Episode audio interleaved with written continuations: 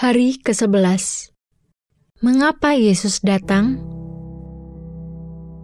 Karena anak-anak itu adalah anak-anak dari darah dan daging, maka ia juga menjadi sama dengan mereka dan mendapat bagian dalam keadaan mereka, supaya oleh kematiannya ia memusnahkan dia, yaitu iblis, yang berkuasa atas maut, dan supaya dengan jalan demikian ia membebaskan mereka yang seumur hidupnya berada dalam perhambaan oleh karena takutnya kepada maut. Ibrani 2 ayat 14 sampai 15. Ibrani 2 ayat 14 sampai 15 adalah ayat Alkitab favorit saya dalam masa Advent saya tidak tahu ayat lain yang mengungkapkan dengan begitu jelas kaitan antara awal dan akhir kehidupan Yesus di muka bumi, inkarnasi, dan penyalipan. Kedua ayat tersebut menjelaskan mengapa Yesus datang, yaitu untuk mati. Keduanya baik digunakan terhadap sahabat atau anggota keluarga yang belum percaya untuk menuntun mereka kepada pandangan Kristiani tentang Natal. Itu mungkin terdengar seperti ini, atau satu frasa secara berurutan. Karena anak-anak itu adalah anak-anak dari darah dan daging. Istilah anak diambil dari ayat sebelumnya, Ibrani 2 ayat 13, dan merujuk kepada keturunan rohani Kristus, Sang Mesias, Baca Yesaya 8 ayat 18, Yesaya 53 ayat 10.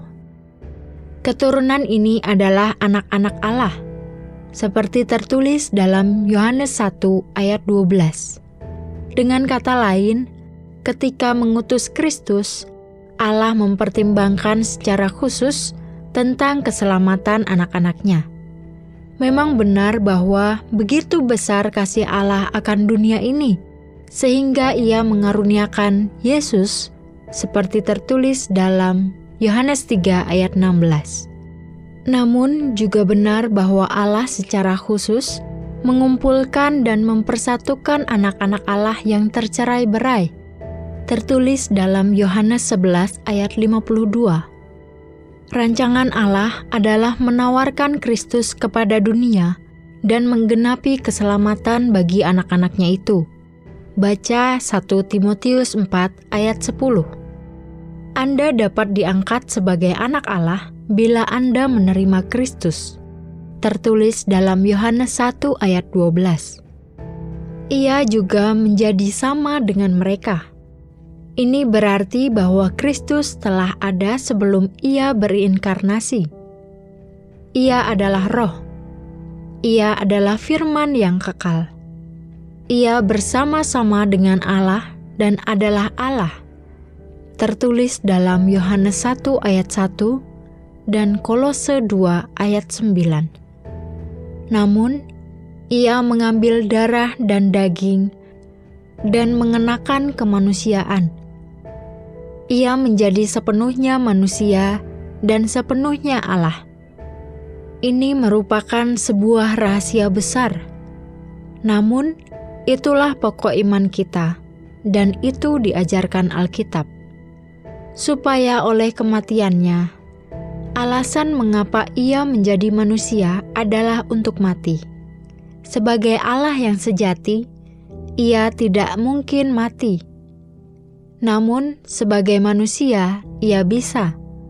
Tujuannya adalah untuk mati. Karena itu, ia harus dilahirkan sebagai manusia ia lahir untuk mati. Jumat Agung adalah tujuan Natal. Inilah yang perlu didengar oleh orang-orang pada zaman ini tentang makna Natal. Ia memusnahkan dia, yaitu iblis yang berkuasa atas maut. Melalui kematiannya, ia mematahkan taring iblis. Bagaimana caranya? Dengan menutupi semua dosa kita. Akibatnya, iblis tidak lagi berhak menuduh kita di hadapan Allah. Siapakah yang akan menggugat orang-orang pilihan Allah? Allah yang membenarkan mereka. Roma 8 ayat 33. Atas dasar apa ia membenarkan? Dengan darah Yesus. Roma 5 ayat 9. Senjata pemungkas iblis untuk menindas kita adalah dosa-dosa kita. Jika kematian Yesus telah menghapuskan dosa itu, maka senjata itu satu-satunya senjata mematikan yang dimiliki iblis telah dihancurkan. Ia tidak bisa lagi menjebloskan kita kepada hukuman mati, karena Sang Hakim telah melepaskan kita melalui kematian anaknya. Dengan jalan demikian, ia membebaskan mereka yang seumur hidupnya berada dalam perhambaan oleh karena takutnya kepada maut. Jadi, kita telah bebas dari ketakutan terhadap kematian. Allah telah membenarkan kita iblis tidak dapat membatalkan keputusan itu.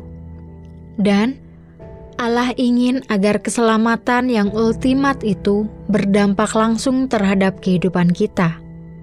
Ia menghendaki akhir yang bahagia dengan menghapuskan perbudakan dan ketakutan kita.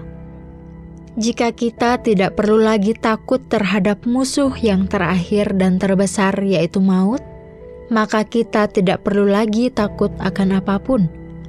Kita bisa sepenuhnya merdeka, merdeka untuk bersuka cita, merdeka bagi orang lain.